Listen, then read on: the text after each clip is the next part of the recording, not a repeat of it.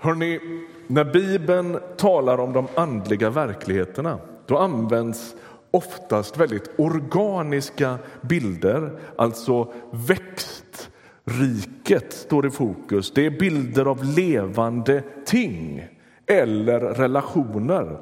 Det handlar om sådd, ogräs, skörd, träd, grenar, senapskorn, får, getter, duvor, surdegskultur, familjedraman där söner flyttar hemifrån. Och, ja, ni vet, det handlar om liv väldigt mycket och påfallande ofta om växt och växter och träd.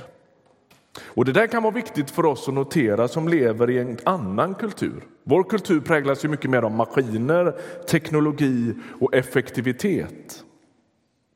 Vi är vana att mäta allting utifrån mätbar effektivitet och avkastning.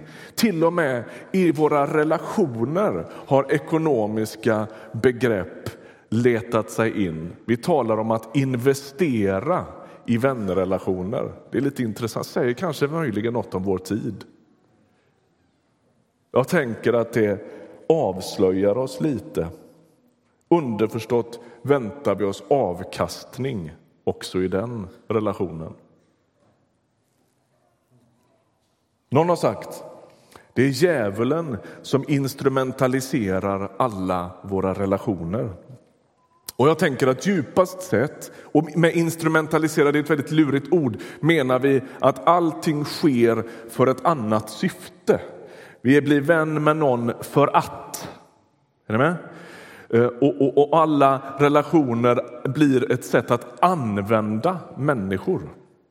Det är djävulens sätt att ödelägga vår, vår, vår sociala nätverk. Om människor hela tiden blir någon sorts medel då blir vi flacka. Problemet blir då att också vår gudsrelation tenderar att instrumentaliseras. Vi tror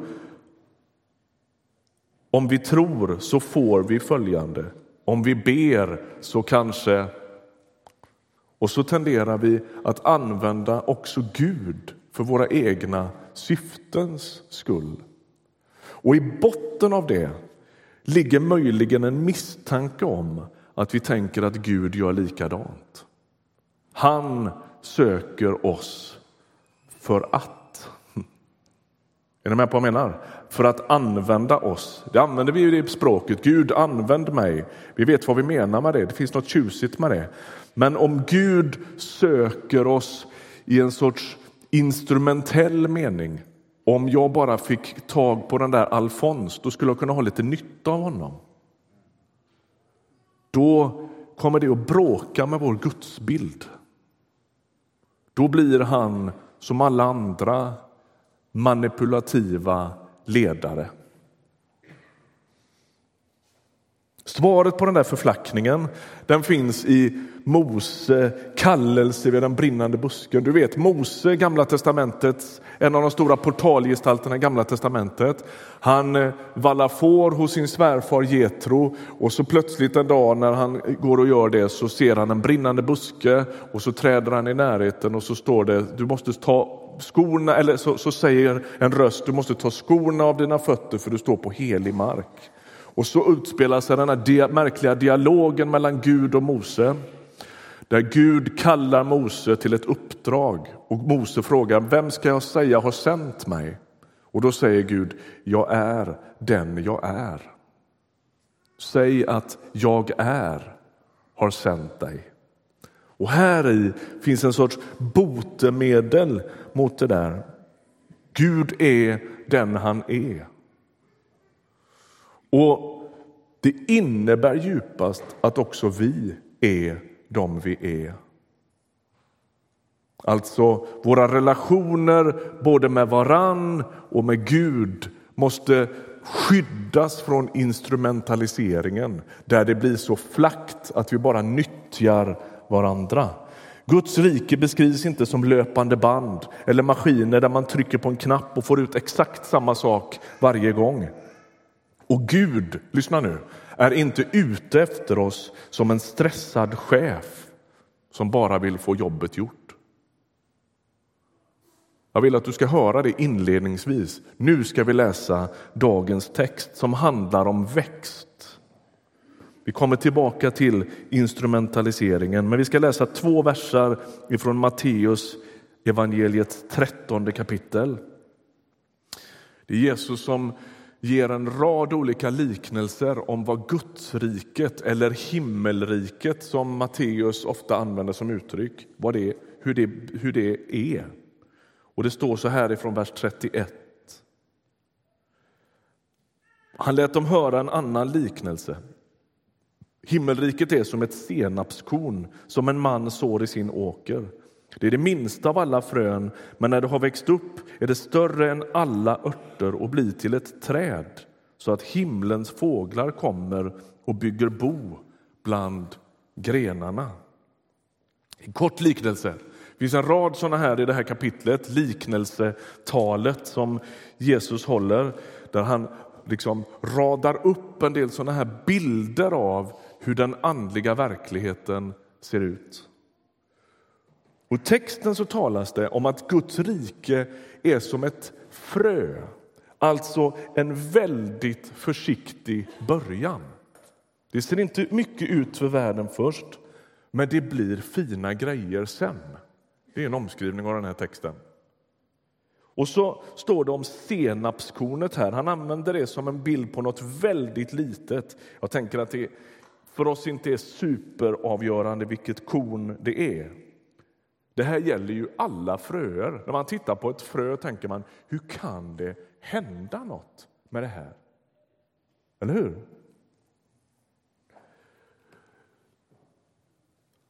Jag vet inte om du har varit med om det där någon gång. Jag har faktiskt begått en premiär den här sommaren. Jag har börjat så.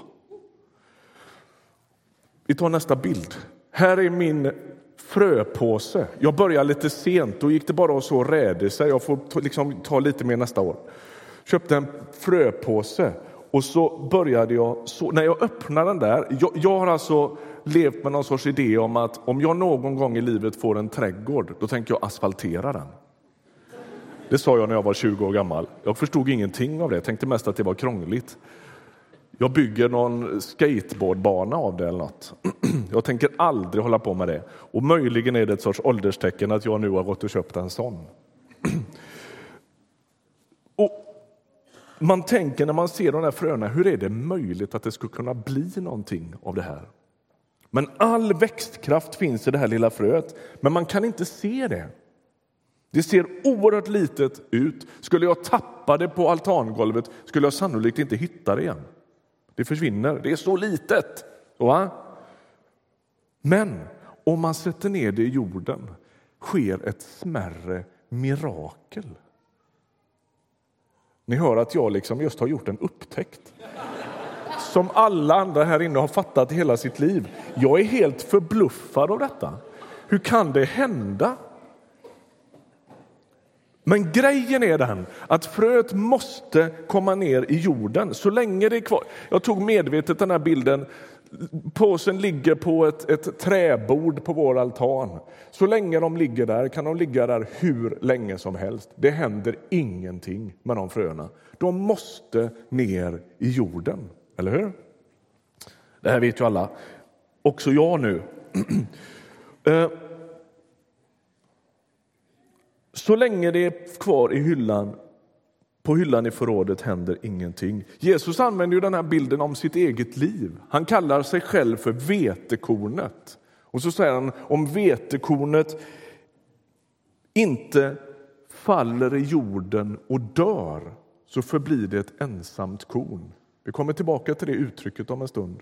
Men det verkar som att Jesus ser på sitt eget liv utifrån de här organiska perspektiven. Mitt liv måste i någon mening... Um, det är en bild på död. Det måste dö för att bli någonting större. Och Det är som att det finns en märklig refräng i de här bibeltexterna där det här återkommer hela tiden. Det som läggs i jorden dör i en mening. Fröet är inte längre ett frö. Men det sker inte förgäves. Istället för att vara ett frö i en påse från Citygross för 20 spänn eller vad det var, så blir det en planta som bär frukt. Alltså, när det stoppas i jorden sker miraklet. Men det måste stoppas i jorden. Det finns ju något obetydligt runt hela Jesu rike, åtminstone inledningsvis. Det verkar alltid börja smått. Och det är ju en av hans poänger i den här texten, att Guds rike eller himmelriket är som det där lilla senapskornet. Det ser inte mycket ut för världen. Vad ska det bli av det här? Och så börjar ju Guds rike. När Jesus träder fram, allt ifrån bebisen i krubban som ju bara andas oansenlighet till lärjungagruppen som ju inte är så fräsig egentligen. Va? Några av dem kan sannolikt inte läsa. De, har, de är olärda, oskolade lantisar. De, de har dålig koll på både eh, liksom, Guds vägar och Guds tanke och de har ibland dålig koll på världs, omvärldsanalysen och de är inte några liksom, självklara ledarämnen. Det är dem han väljer. Det är litet, obetydligt och oansenligt. När Gud ska rädda världen då placerar han inte en präst i Jerusalem eller en filosof i Aten eller en politiker i Rom. Nej, han placerar en hantverkare i Nasaret, en plats som andas obetydlighet. Så börjar Guds rike. Och Det här verkar vara en sorts evangeliets genetiska kod. Det börjar med ett frö, något ingen bryr sig om. Och så läggs det i jorden och så dör det och så växer det till något som berör hela världen. Det stod i den här texten, korta liknelsen, att himmelens fåglar kommer och bygger bo bland grenarna. Och Det finns gammaltestamentliga referenser till det här. De som lyssnar är ju judiska åhörare och de drar sannolikt en parallell till ett par stycken bibeltexter i Gamla testamentet som talar om trädet och himlens fåglar som en bild på alla etniska folk. Det finns en sorts inbyggd eh, hemlig kod i det här.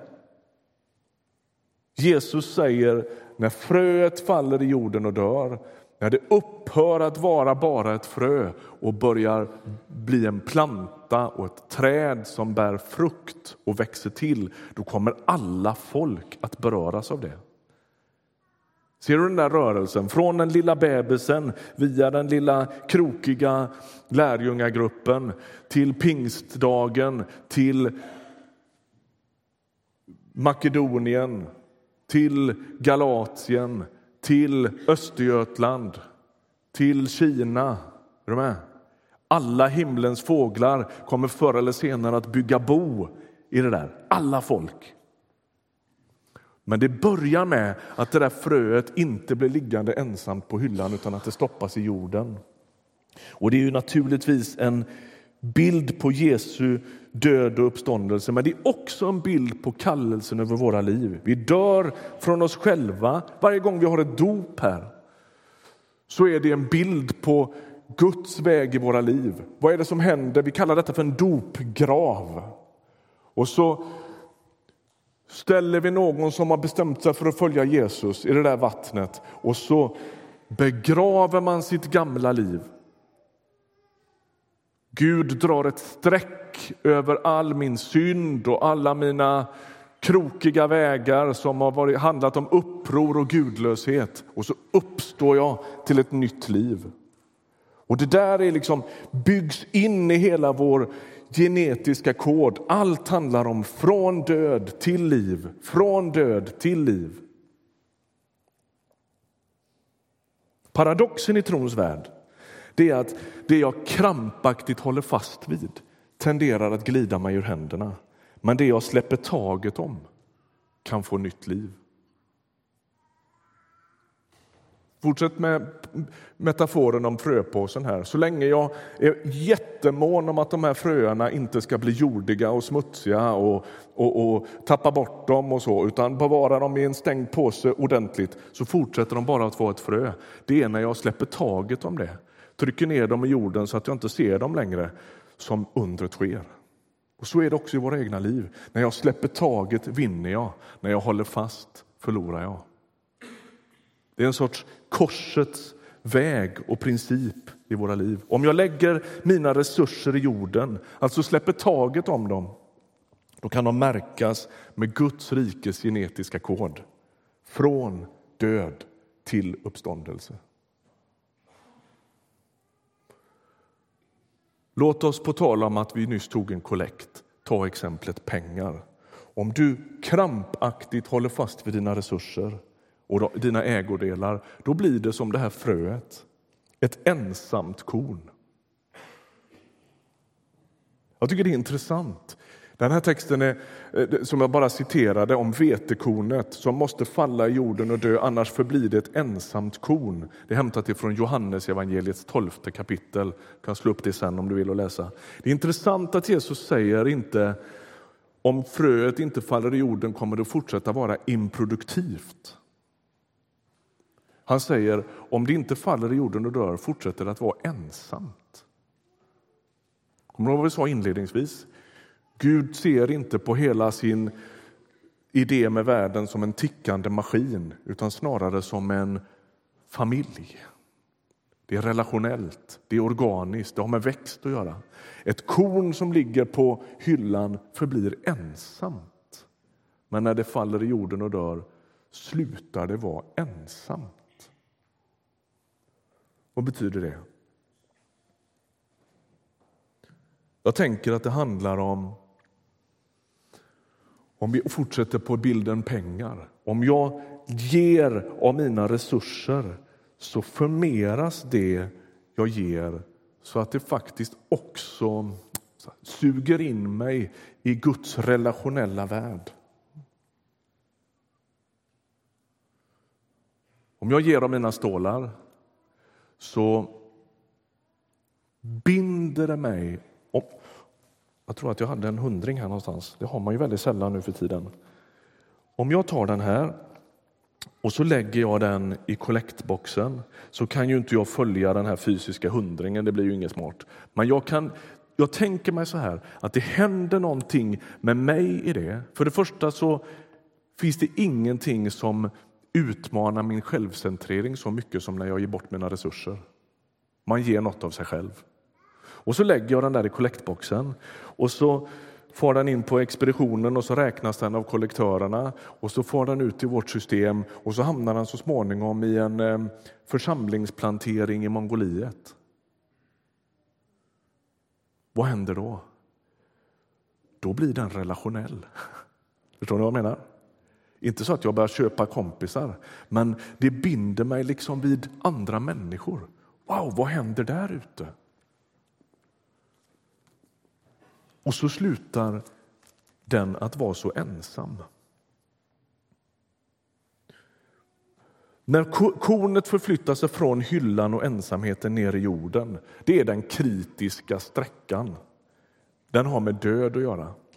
Då släpper det krampaktiga greppet om våra grejer, våra resurser, vårt självcentrerade jag.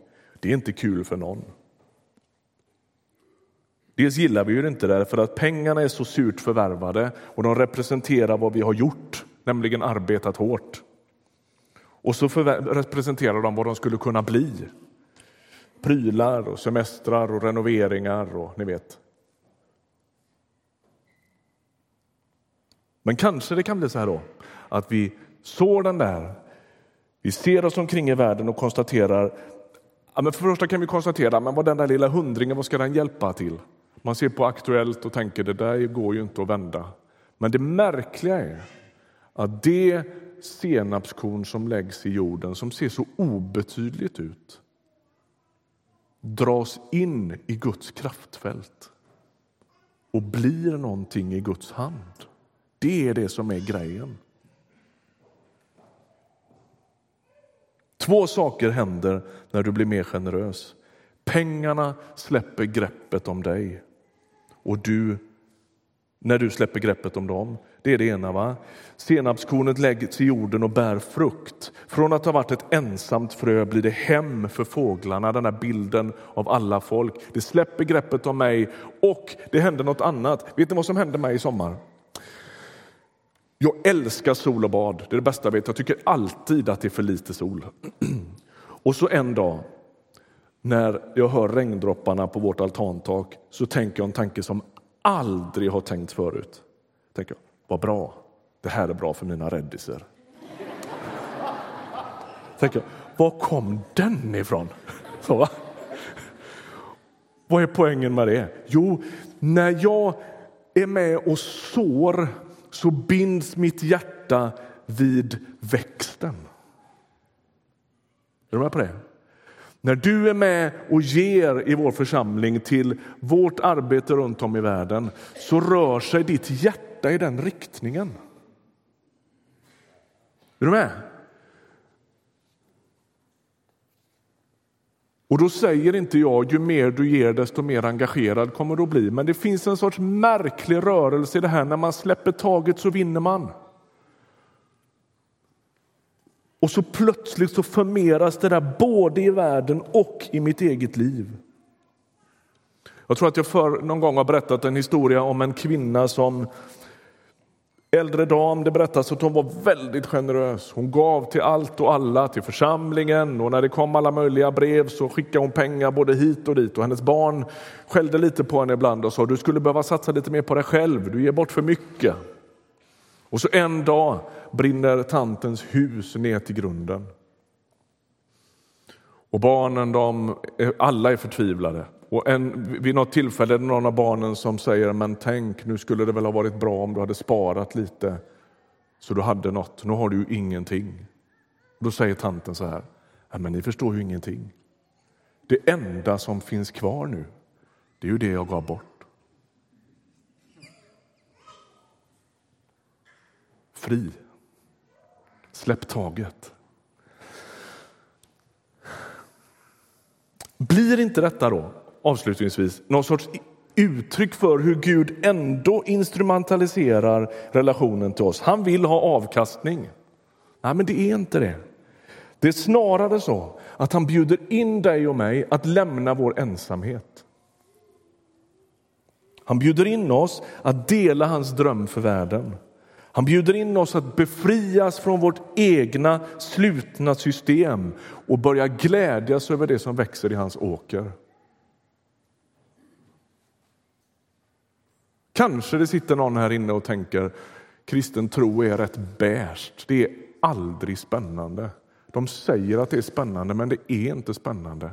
Tänk om insatsen är för försiktig. Tänk om du skulle behöva bindas vid det Gud gör i sin åker konkret genom dina resurser. Det kan vara så.